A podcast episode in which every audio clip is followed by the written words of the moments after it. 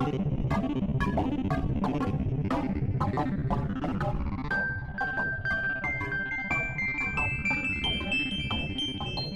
och varmt välkomna till Akademipodden, Sveriges Unga Akademis podcast. Och Sveriges Unga Akademi är en oberoende tvärvetenskaplig plattform för ett urval av de mest framstående yngre forskarna. Jag heter Annika Moberg och med oss här idag har vi Stefan Aurora Jonsson, ekonomiforskare vid Uppsala universitet. Hej Stefan! Hej! Hej! Och Beatrice Krona, miljöforskare vid Stockholms universitet. Hej Bea! Hej! Hej! Och Staffan Lindberg som är demokratiforskare vid Göteborgs universitet. Är du där Staffan? Jag är här. Härligt! Hej, hej. Och det ursprungliga temat för det här samtalet är, var rättvisa. Men vi kände att efter det amerikanska valresultatet så ville vi inkorporera det och tycker att det lämpar sig bra för temat rättvisa. Och rättvisa, om man slår upp det i Nationalencyklopedin så står det att det är ett viktigt begrepp inom politik, juridik, filosofi, statskunskap och andra samhällsvetenskaper. Och någon allmänt accepterad definition av rättvisa finns knappast. Sen Aristoteles så skiljer man mellan distributiv rättvisa och kompensatorisk rättvisa. Den förra gäller hur resurser ska fördelas och förutsätter intressekonflikter eller motstridande intressen. Den senare, som också kan kallas retributiv eller juridisk rättvisa, avser hur ersättning för ett visst handlande ska bestämmas. Spörsmålen är olika beroende på om de aktuella handlingarna är frivilliga eller ofrivilliga. Den som ofrivilligt blivit föremål för orättvisa eller skada ska i det senare fallet ersättas eller kompenseras för det här och den som begått orättvisan ska straffas. Det sägs inte i Nationalencyklopedin just, men att eh, människan föredrar rättvisa lösningar som i längden gynnar alla. Och effekter av både rättvisa och orättvisa har också kunnat mätas med magnetkamera i hjärnan. Och då så börjar jag att fråga Staffan, vad säger du om den här definitionen? Ja, den är ju eh, omstridd. I, i, eh, det som inte finns med där eh, är det som vi ibland talar om som procedurell rättvisa eller rättvisa procedurer och som vi ofta förknippar med, med demokrati men som även den berömda politiska filosofen John Rawls har avhandlat i, i sina arbeten om, om rättvisa, en teori om rättvisa. Um, han har ju begreppet justice as fairness, alltså rättvisa som procedurell likhet eller jämlikhet. Och det är det är ett sätt att lösa det här problemet med distributiv rättvisa. Alltså distributiv, då talar vi om att eh, man, man har en rättvis fördelning av något gott, alltså eh, utbildning, vård, omsorg, mat. Ehm, och ehm, hur ska man komma fram till vad som är en rättvis fördelning? Och då resonerar Rawls med korta termer om att man ska föreställa sig att man ska eh, föreställa sig att alla människor är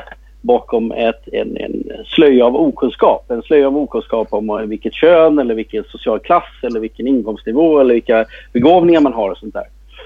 Um, och om man resonerar, resonerar utifrån det, även om det är bakgrunds, bakgrundsoljud nu, om man resonerar utifrån det så eh, skulle man då komma fram till vad en, en rättvis fördelning, hur den skulle se ut. Då. Och det där är ju liksom en grundad i någon slags demokratisk tanke om alla människors lika värde och lika rättighet till att ha lika möjligheter. Och det är ju en syn på rättvisa som, som eh, är hotad idag i världen. Aktivt motarbetas, inte bara i USA utan på många håll i världen. Har en kommentar till valet då, amerikanska valresultatet. Utifrån rättvisesynpunkt, så, eller begreppet rättvisa, här kan man ju notera då att det finns ju stora grupper i USA som har känt att världen har blivit mer orättvis för dem. Det är ju, som de flesta har noterat, det är ju framförallt vita i USA eh, som, som känner sig hotade, att det blir mer orättvist. Eh, men den här, den här känslan finns ju hos stora grupper även i Europa och, och de, man kan ju säga oavsett om man, man vet inte riktigt hur samba, orsakssambandet ser ut, men den här ökade känslan av orättvisa har ju sammanfallit med att den ekonomiska ojämlikheten har ju ökat väldigt dramatiskt de senaste 30 åren i hela västvärlden.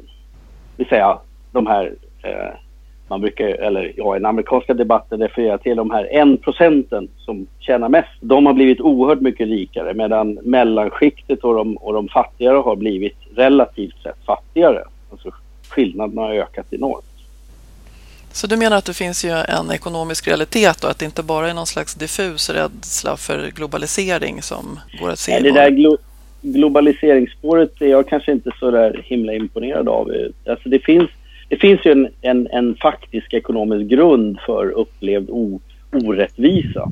Eh, sen i det amerikanska samhället är ju detta dessutom, eh, vad ska jag säga, inte ihopkopplat med men, men eh, eh kanske späs på av eh, de här eh, eh, skillnaderna mellan vita och eh, svarta, andra minoriteter och ökad grad av det som man refererar till som latinos, alltså ökad andel av dem som, som, som har jobb och, eh, och, finns i samhället och ökade skillnader. Vi som i vår del av världen eh, eh de senaste åren eh, invandring av människor från, från andra kulturer och, och eh, så vidare har, har spett på eh, den här typen av antidemokratiska rörelser och antidemokratiska krafter i samhället. Ja, eh, Stefan, hur, du som mm forskar en del om konkurrens, eh, men blir det inte rättvist när man får möjlighet att konkurrera även på global nivå? Nu då? Det är jätteintressant, alltså relationen mellan, mellan konkurrens och, och rättvisa. Eh, det, det faller dels faller det tillbaka lite grann på det här som Staffan var inne på om, om procedurell rättvisa. Det är ju, eh, vi brukar inte tänka på någonting som, som konkurrens egentligen om vi inte är övertygad om att det är en liksom procedurell, procedurellt riktig eh, uppsättning. Har man en tävling till exempel så ser man ju, liksom, man ser det ju inte som ett sprinterlopp om inte de som löper är ja, vanligtvis av samma kön och liksom har eh, en har inte ätit dopingmedel. Därför liksom processen för hur tävlingen går till ska vara, ska vara väldigt eh, eh, lika och, och om, om, man litar på processen ja då, då ser man att, att då är det konkurrens. Och konkurrens eh, eh, är någonting som, som man ofta använder för att rättfärdiga eh, utfall som, eh, som, i, som i många andra fall skulle, skulle kunna bli ifrågasatta. Men om, om jag sa att det, om, om fyra månader så kommer jag att ha, alla, så kommer jag att ha tagit alla dina pengar då skulle det i många fall låta väldigt konstigt och kanske orättvist. Men om jag säger att jag kommer att konkurrera ut dig inom fyra månader så, så länge man liksom tycker att ja, men, konkurrens, konkurrensen har varit enligt gängse spelregler då, då, då, är, då är, liksom, är man i många fall beredd att acceptera ett sådant utfall. Men när, när det gäller eh, det här med, med Eh, globaliseringen och, och, och valet i USA mycket av retoriken i alla fall som Trump har, har fört fram är ju en antikonkurrensretorik. Han ska göra USA great again genom att, att egentligen eh, sätta hinder för en global konkurrensregim. Eh, liksom försöka rulla tillbaka genom att eh, riva upp handelsavtal och så vidare. Och eh, den gruppen som man verkligen har försökt tilltala det är ju de som har utpekats som förlorare i den globala konkurrensen. Alltså de som bor och arbetar i, de, bor i, i områden där traditionell industri och gruvnäring har varit väldigt viktig, det som man brukar kalla rostbältet. Och det var ju också där han fick några av sina mest överraskande segrar i Pennsylvania till exempel. Och det var just på på, eh, med, med löftet att, att eh, vi ska få tillbaka våra jobb, vi ska inte skicka våra pengar till, till, till Kina utan eh, liksom, amerikansk industri tillbaka till USA. Och sättet som man ja, löst tänker sig göra det är att, att kringskära den globala konkurrensen som har gjort att mycket av industrin har, har flyttat ut. Uh, Bea, Eh, en annan fråga som man, eh, många oroar sig för nu är ju hur USA ska gå vidare med åtaganden för ett bättre klimat. Det här med global rättvisa i klimatperspektiv. Vad tänker du som miljöforskare om det? Ja, jag tänker att um, det är intressant att prata om rättvisa när Trump pratar om att han ska riva upp Parisavtalet eller gå ur Parisavtalet, USA. Och eh, därför att eh, USA är ju som alla vet den absolut största eh, utsläppslandet när det gäller mängden av kol som har släppt ut hittills. Och det finns ett, eh, har seglat upp ett begrepp eh, i debatten som handlar om just kolskuld. Alltså carbon debt eller climate debt som man säger på engelska. Och där det handlar både om anpassningsskulden, det vill säga att, man, att de rika länder, eller rika, det är framförallt rika länder som har släppt ut hittills, ska kompensera fattiga länder för skador som är orsakade av de klimatförändringar som kommer. Men även utsläppsskuld där vi på så att säga har utnyttjat eh, om vi anser att det finns ett begränsat utrymme att släppa ut kol innan vi kommer över en farlig gräns för klimatförändringen som brukar sättas någonstans vid 2 grader Celsius. Då finns det ju en, en, så att säga, en kolbudget och där vi i de um, industrialiserade länderna har redan använt upp mycket av det utsläppsutrymmet. Så vi står alltså även i utsläppsskuld till de länder som inte har lika mycket utrymme att, att släppa ut för att, eh, så att säga, ekonomisk utveckling och liknande. Så där, där finns det en hel del att tänka kring just vad som är rättvist och eh, USAs roll i det här. USA är ju som jag sa en av de största och man har gjort, eh, det var en studie i Nature till exempel förra året som jag tycker var intressant och man gjorde ett försök att räkna ut hur mycket olika länder faktiskt står i skuld. Och eh, där USA blev högst på den skalan. De låg någonstans på, de står, har stått för 40 procent av koldioxidutsläppen sedan man började mäta 1990. Eh, bara ett land alltså. Och på andra plats kommer Ryssland men de ligger långt efter ändå om man säger totala utsläpp. Det är klart, man kan inte, det är inte så intressant att prata om det här i termer av, av dollar nödvändigtvis. Jag tror man har kommit fram till att 10 trillions, miljoner miljoner. Um, US-dollar som vi i västvärlden står i skuld till, till de som inte har släppt ut så mycket. Men det är kanske inte så intressant att prata om det på det sättet, snarare att ha det med sig i bakhuvudet när man funderar kring vilka åtaganden olika länder bör uh, ta på sig för att det ska vara rättvist. För man har ofta att ja, men nu är det ju utvecklingsländer som har de mest uh, smutsiga industrierna. Men då får man ju tänka till att vår ekonomi har ju växt på bekostnad av klimatet tidigare. Så det tycker jag är en intressant infallsvinkel på USAs roll i det också. Ja, Staffan, vad säger du? Ja, det är ju spännande om man återgår till den här eh, definitionen som du talade om i Nationalencyklopedin. Så den här diskussionen som, som Bea tar upp om utsläppsskulder, det, är, det bygger ju på retributiv eller, eller kompensatorisk rättvisa. Men det finns ju en procedurell eh, aspekt på detta. Ehm, det vill säga, hur ska man komma fram till ehm, eh, eh, överenskommelser om hur man hanterar detta och vem som ska möjligtvis kompenseras och hur och allting sånt där. Och där, där, där kommer ju avtalen in ehm, som mellan stater då. Men det, det här retributiva, det är ju, det, det är ju det, det, ena begreppet. Men eh, samtidigt är det spännande för när Stefan som, som ekonom eh, talar om, om rättvisa så är, är det precis som han nämnde, helt tydligt att det är procedurell rättvisa som, som, man, eh, som man refererar till. Eh, det vill säga eh, lika och, eh, och öppna, tydliga och lik, lika spelregler för alla spelare. Va? Och eh, mm. sen blir utfallet eh, rättvist därför att man har haft eh, de, eh, den proceduren. Och det är precis så vi, vi brukar tänka kring demokrati. Va? Alltså att det, det, som Obama sa att vi nu får vi acceptera att eh, Trump är president för det har varit fria och rättvisa val. Alla har haft möjlighet att göra sin röst hörda och alla möjlighet att, att rösta och så. Ehm, och då, då är det ett legitimt utfall, ehm, eh, precis som, som vi hanterade. det. Um, och det bygger på samma princip egentligen, att man ska ha en man en röst, man ska ha yttrandefrihet och organisationsfrihet och, och, och eh, frihet att kandidera och ett antal sådana här procedurella så att säga, villkor som ska uppfyllas och då blir utfallet rättvist. Sen kan man diskutera i fallet i USA huruvida man lever upp till de där. Alltså det är ju det här, vi brukar tänka på demokrati som en man, en röst eller en ja, man i betydelsen människa. Då.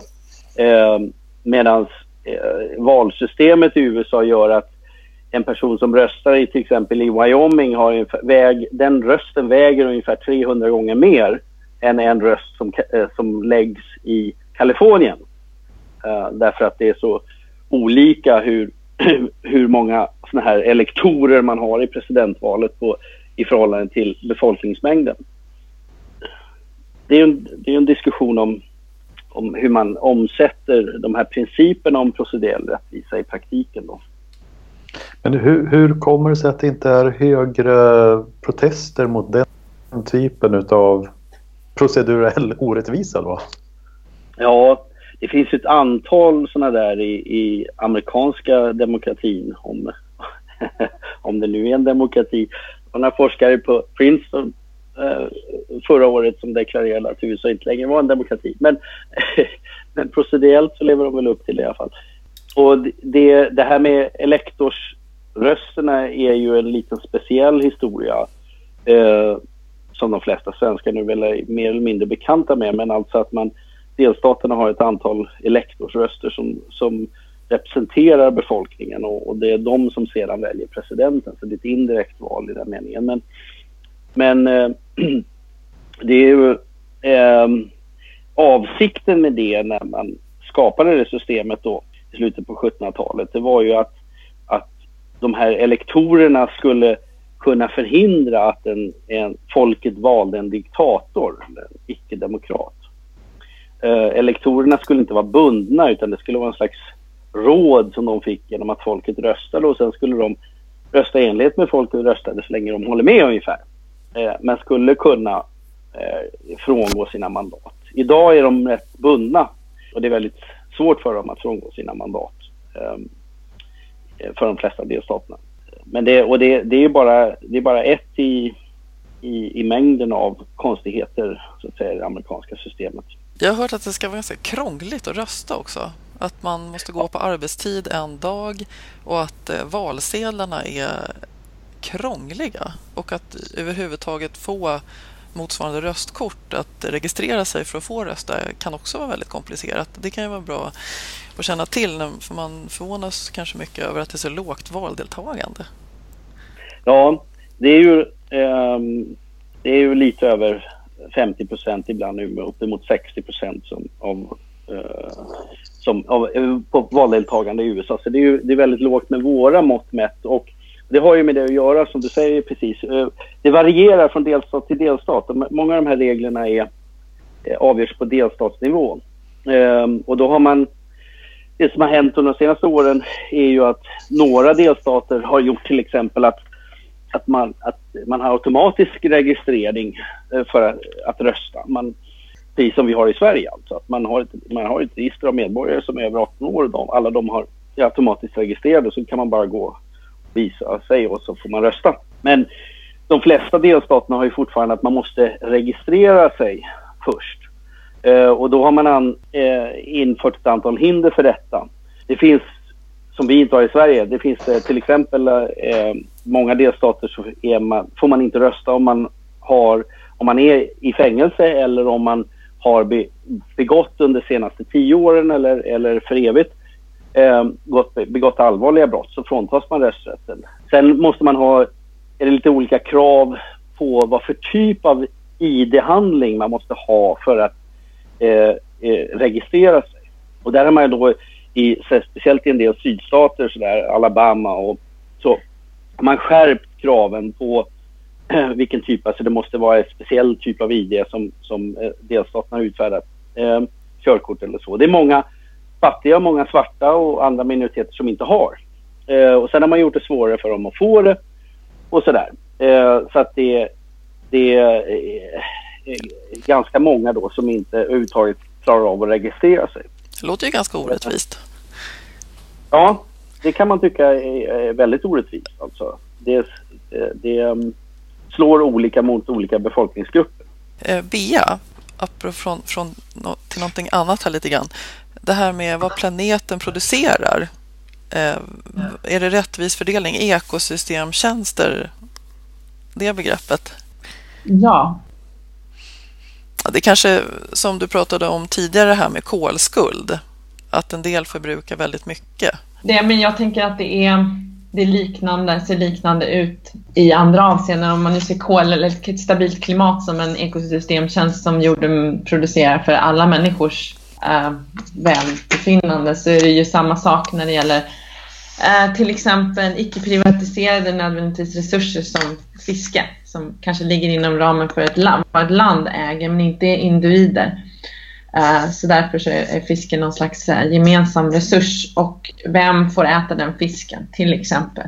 Där eh, ser vi också att det finns rättvisa aspekter där vi i de rika länderna som har mer köpkraft eh, konsumerar betydligt mer än vad vi kanske egentligen borde ur ett rättvist perspektiv eh, jämfört med nationer som är fattigare och där befolkningen är fattigare och inte kan, har samma köpkraft. Vi äter ju mycket mer protein än vi behöver. Så till den grad att vi faktiskt alltså, slösar protein för vi bara i princip kissar ut det igen. Och eh, medan det finns folk som fortfarande svälter i världen. Så det, det är ju helt klart en orättvisa. Men som delvis, det är inte individer som går och handlar på ICA som är orättvisa där utan där är det ju strukturerna i hur våra marknadssystem har byggts upp som gör att det, det blir sådana effekter. Eh, kanske inte intentionellt från början. Det kanske äh, Stefan kan säga någonting mer om. Eh, orättvisa marknadsutfall. Det, ja, ja. Det, det, var ju, jag menar, Amartya Sen fick ju Nobelpriset bland annat för, att, för att han visade att, att det var inte brist på, på, på, mat som, som leder till svält utan att det är brist på köpkraft och eh, svårigheter att, att inom givna ekonomiska system fördela runt mat till de som faktiskt behöver. Eh, så visst, det, det, det ligger ju, det, det, är ju ekonomiska strukturer bakom såna, den här typen av orättvisor. Så, så är det. Vi kanske ska gå tillbaka igen. Vad tänkte jag på Staffan? Du beskrev här hur det går till i USA. Eh, är det, är det ett vanligt valsystem? Om jag tänker på de som du har forskat på, de som du känner till. I, om man tar med alla detaljerna i det amerikanska valsystemet så är det helt unikt. Och eh, även det här med eh, alltså bara grundprincipen när det gäller presidentvalet att man har eh, elektorer som är mellanskikt mellan folket och presidentvalet så att säga är, är väldigt ovanligt. Så att eh, eh amerikansk demokrati i procedurell mening är, är väldigt specifik. Eh, sen finns det delar av det som är, är, mycket mer vanliga, till exempel när valet i kongressen, alltså eh, underhuset och senaten, där är ju, är, har man, opererar man med enmansvalskretsar. Det kan man ju det också diskutera huruvida det är rättvist eller orättvist.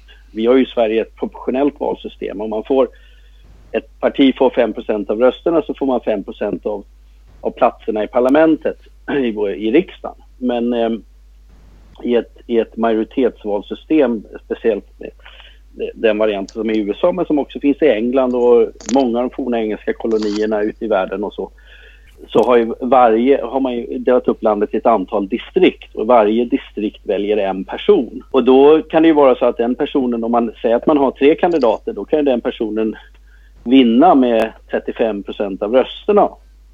Um, och um, då kan ju alltså eh, resterande då majoriteten av rösterna kastas ju bort.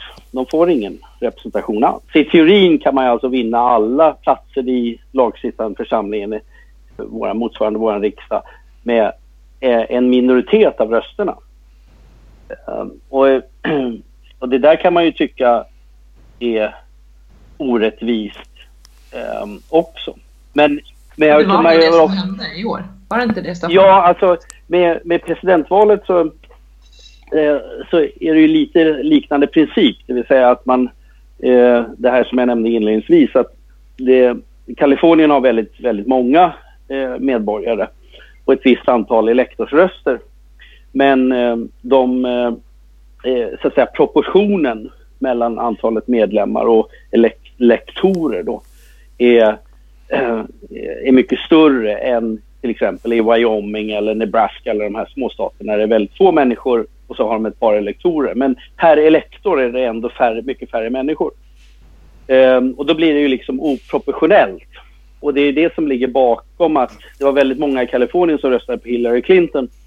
Och så har Hillary Clinton en miljon fler röster totalt sett i hela landet. Men hon har ändå förlorat valet så hon fick inte tillräckligt många elektorer.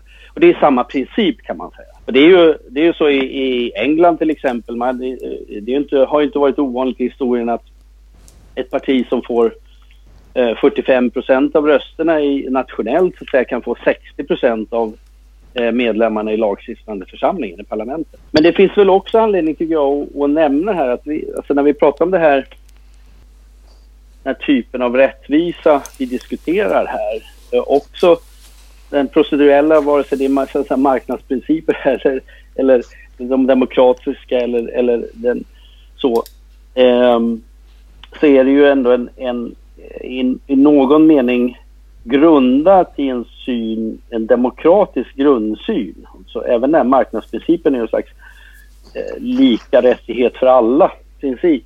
Och det det finns ju andra helt radikala, radikalt annorlunda syn på rätt, vad som är rättvisa. Ta de högerextrema krafterna nu som tycker att det är rättvist att vita eller vi som har bott här eller så ska ha mer eller ska få tillbaka och ska kunna kasta ut folk och eh, rätt att utöva våld. Jag har sett nu i USA en massa svastikor, nazistsymboler som målas och folk som misshandlas för att de har en annan hudfärg eller, eller så eh, som påminner mycket om, om 1930-talets Europa när Hitler och sedan och fascismen i Sydeuropa bredde ut sig. Eh, och det finns ju också, utmanas ju också av det som personer eller organisationer som varken Hora eller Kuvad har pekat på mycket eh, i, i, i, i, svenska förorter som naturligtvis finns annat också där det är religiösa fundamentalistiska syner som utmanar vad som är rättvist. Det är rättvist att kontrollera flickor och kvinnor och i värsta fall eh, ta död på dem om de inte lever upp till, till eh, dessa normer. Det uppfattas som rättvist. eh, Inom det egna regelsystemet alltså? Absolut. Eh, så det finns anledning att ha perspektiv på att när vi talar om principer för rättvisa här så är det ändå en slags eh, utgår vi ifrån att det, det, finns någon slags gemensam demokratisk grundsyn och det är den som utmanas idag i världen. Precis som Stefan sa så handlar det ju också om den ekonomiska. Det spiller över på den ekonomiska sidan. Stefan, när du pratade om, om Trump, mm. hans antikonkurrensretorik, va? Så är det ju precis samma grundfundament som utmanas. Ja, alltså, e, e- ekonomi och politik hänger ju, hänger ju väldigt nära ihop. Eh, det är ju precis som, som du pekade på i, i din debattartikel så likheterna med, med 30-talet och Europa är ju, är ju lite skrämmande och även där så var det ju just missnöje med rådande ekonomiska system och eh, idén om att, att eh, det, det, inte var rättvist det utfallet som, som systemet gav som, som gav eh, liksom upp, upphov till att man röstade fram någon som vars egentligen främsta uppgift var att störta systemet. Och det är ju väldigt mycket av det man, man liksom, eh, många av de som har röstat på Trump verkar ju vilja att han ska bara, vad är det de säger, drain the swamp. Få bort det här som har tidigare varit systemet i Washington och vad som än kommer kan inte bli så mycket sämre verkar de tro. Och det där är ju ett det där är ett misstroendeförklaring, det är en misstroendeförklaring mot, eh, mot eh, det ekonomiska systemet som har varit. Det är ju, jag menar deras, deras det, det politiska systemets kanske främsta beröringspunkt med, med gemene man är ju det, det, det, det ekonomiska system som, som det genererar eller som, som, det, som det skapar. Det, det, man pratar ju om planet, planetära gränsvärden och många mm. av de här är ju på upphällningen eller har till och med överträtts för vad, vad vi eh, anses klara av för att fortsätta leva gott eh, och vi människor. Hur kommer det här, tror du, att eh, driva på den här typen av antidemokratiska tendenser? Det vågar jag inte säga om liksom globalt, men om man tänker på, det känns som att det är utanför mitt, um, mitt expertisområde. Men om man tittar på, om vi går tillbaks till USA, som vi började fokusera på så är det ju skulle jag säga, från där jag sitter som miljöforskare, oroväckande när man hör retoriken och även som nu börjar omsättas uh, av Trump. Där han till exempel har satt en uh, uttalad eh, klimatskeptiker och någon som aktivt har motarbetat eh, att, att, USA överhuvudtaget skulle skriva på och ratificera Parisavtalet. Um, han sitter nu som chef för EPA, the Environmental Protection Agency. Och eh, kommer väl sannolikt att göra sitt allra bästa för att motarbeta det klimatarbete som om USA till exempel hade skrivit under på att man skulle, de åtaganden man eh, ska göra i den internationella communityn och eh, däribland är det ju till exempel sådana här gröna fonder eller fonder för omställning av pengar, det vill säga som ska gå till fattigare länder för att försöka ställa, eh, andra länder för att ställa om men även framförallt för att klara av de effekterna av klimatförändringar och liknande. Och det är såklart, det tycker jag är oroväckande. Sen kan jag inte säga, för jag, jag, man vet väl väldigt lite om vad Trump har för policy överlag och framförallt inte vad han har för miljöpolicy om man har någon överhuvudtaget. Men vi vet ju att som är det ju tyvärr så att USAs befolkning är de som per capita så tär mest på jordens resurser. Det finns beräkningar och man får alltid ta sådana här saker med en nypa salt för det är förenklat men att i princip ett barn som föds i USA eh, har ungefär 13 gång, mer, gånger mer ekologisk säga, effekt eller um, gör mer ekologisk skada än ett barn som föds till exempel i Brasilien. Och att, um, titta här, en amerikan tär mer än 35 gånger så mycket på, på jordens resurser totalt över sin livstid än en person som bor i Indien till exempel. Och sådana här saker. Och det är ju för att USA är ett stort land eh, och såklart inte alla amerikaner som, som tär så mycket. Men eh, jag tänker att en, en sån stor aktör i världen som USA är och så mycket som de nu utnyttjar sitt miljöutrymme och att det redan i dagsläget inte är särskilt rättvist på en global skala så är det såklart oroväckande att eh, de förmodligen de närmaste fyra åren kommer att gå i totalt motsatt riktning från där vi skulle vilja att de går. Där de drar ner på sina fotavtryck, där de minskar sina utsläpp och så vidare. Förmodar jag att de kommer att gå i motsatt riktning. Är det inte orättvist då att eh, man i andra delar av världen nu inte ska få samma bekväma liv? Alla vill ha en fin bil och eh, vore inte det rättvist att att alla får en fin bil. Ja, och så vidare.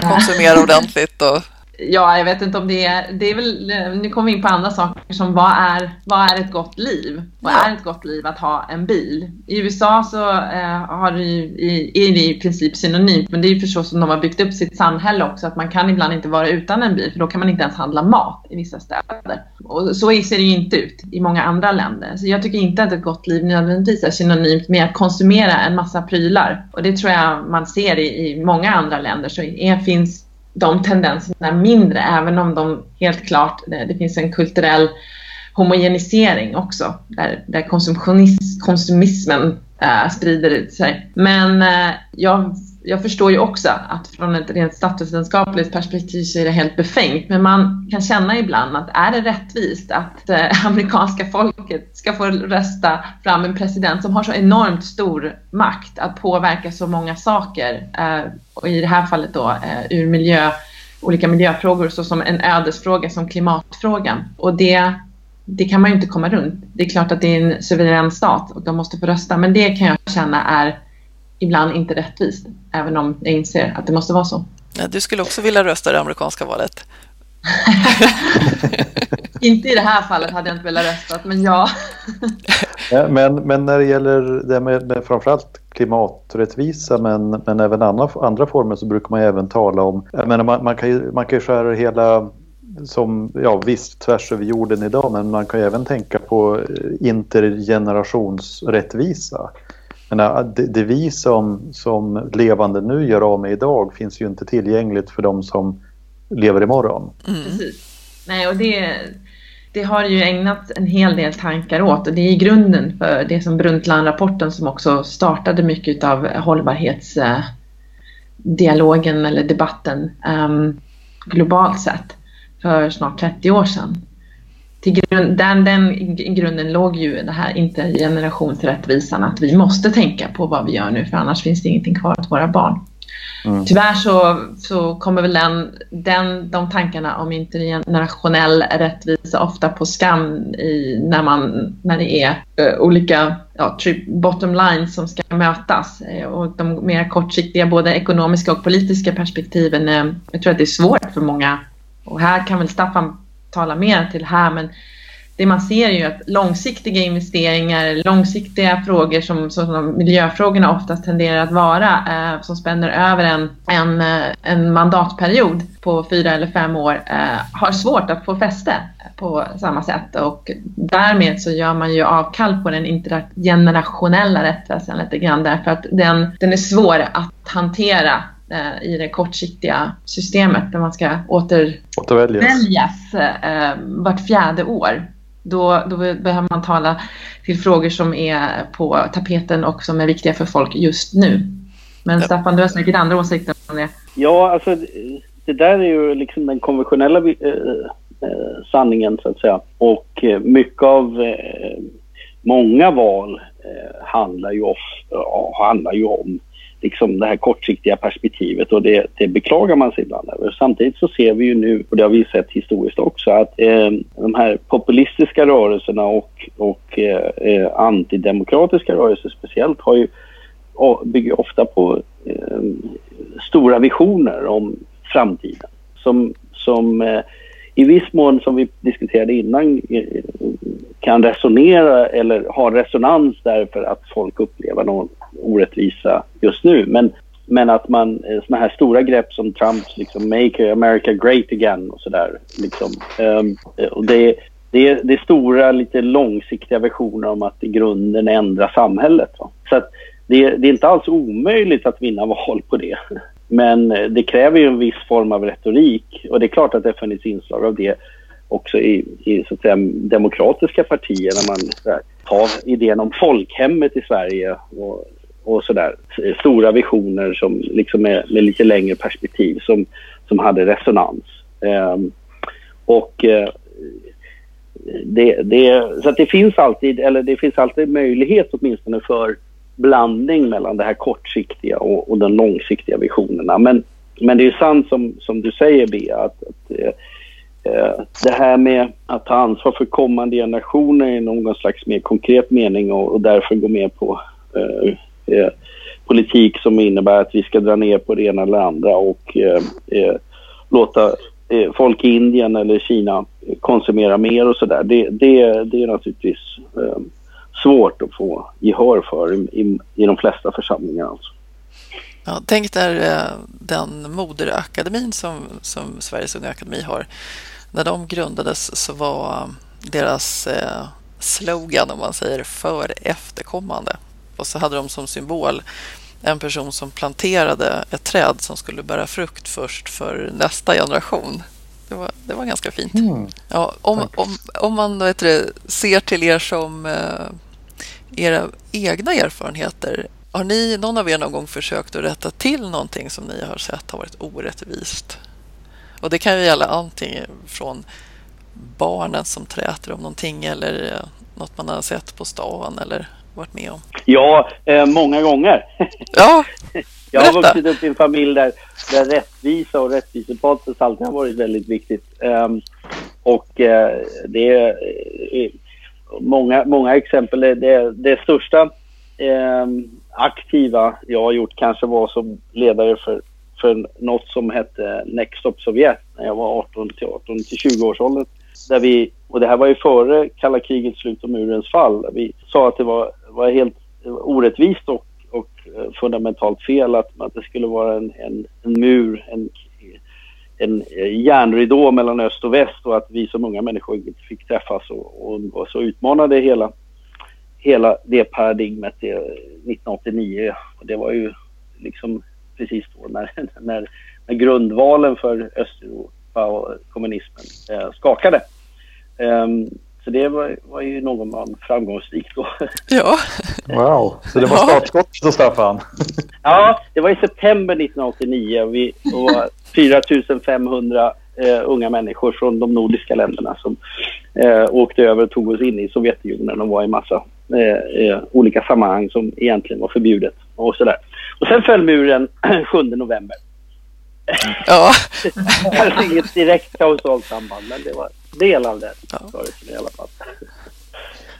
I, i, den dagliga verksamheten som, som lärare så, så är det ju väldigt viktigt, tycker jag, att, att man försöker upprätthålla rättvishet i, i relationerna med, med, med studenterna. Men det är ju en, det är en väldigt viktig del av eh, hela den lärande situationen. Att eh, dels i klassrummet, att man liksom är, är rättvist tillgänglig för, för de som är där, men sen även i, i betygssättning och sånt där. Så det är ju en sån där grej som, som återkommer rätt ofta och som inte alltid är, är helt enkel att, att hantera. Men, men det kräver att man, att man ja, försöker åter och återigen. Just det, jag ska bara passa på att ge eh, upprättelse till Nationalencyklopedin och Göran Hermerén som ju hade skrivit den artikeln, han resonerar faktiskt vidare sen om det här med fairness. Eh, nu tror jag att tiden börjar rinna ut. Ska Man vi göra om fått hö- alltihopa? Jag är lite missnöjd med min formulering där. Någon gång i mitten. Men då ska jag först ge några tips om vad som pågår just nu i akademin och det är utlysning. Sveriges unga akademi söker nya ledamöter, så framstående forskare inom alla fält hjärtligt välkomna att söka. Och vi har seminarieserien Forskningsetik som pågår nu som vi arrangerar tillsammans med Vetenskapsrådets expertgrupp för etik. Och så vill vi så gärna att ni tävlar i tävlingen Prisfrågan. Besvara den öppna frågan Vad är tiden? Och svaret kan vara en sång, en text eller vad som helst. Och mest tänkvärda svar belönas med iPad eller prenumeration på forskning och framsteg. Så se sverigesungaakademi.se, följ oss på Facebook och som Unga Akademin på Twitter. Ja, kärt tack Staffan, Stefan och Bea och förstås till er som lyssnar. Hej då! Hej då! Hej då!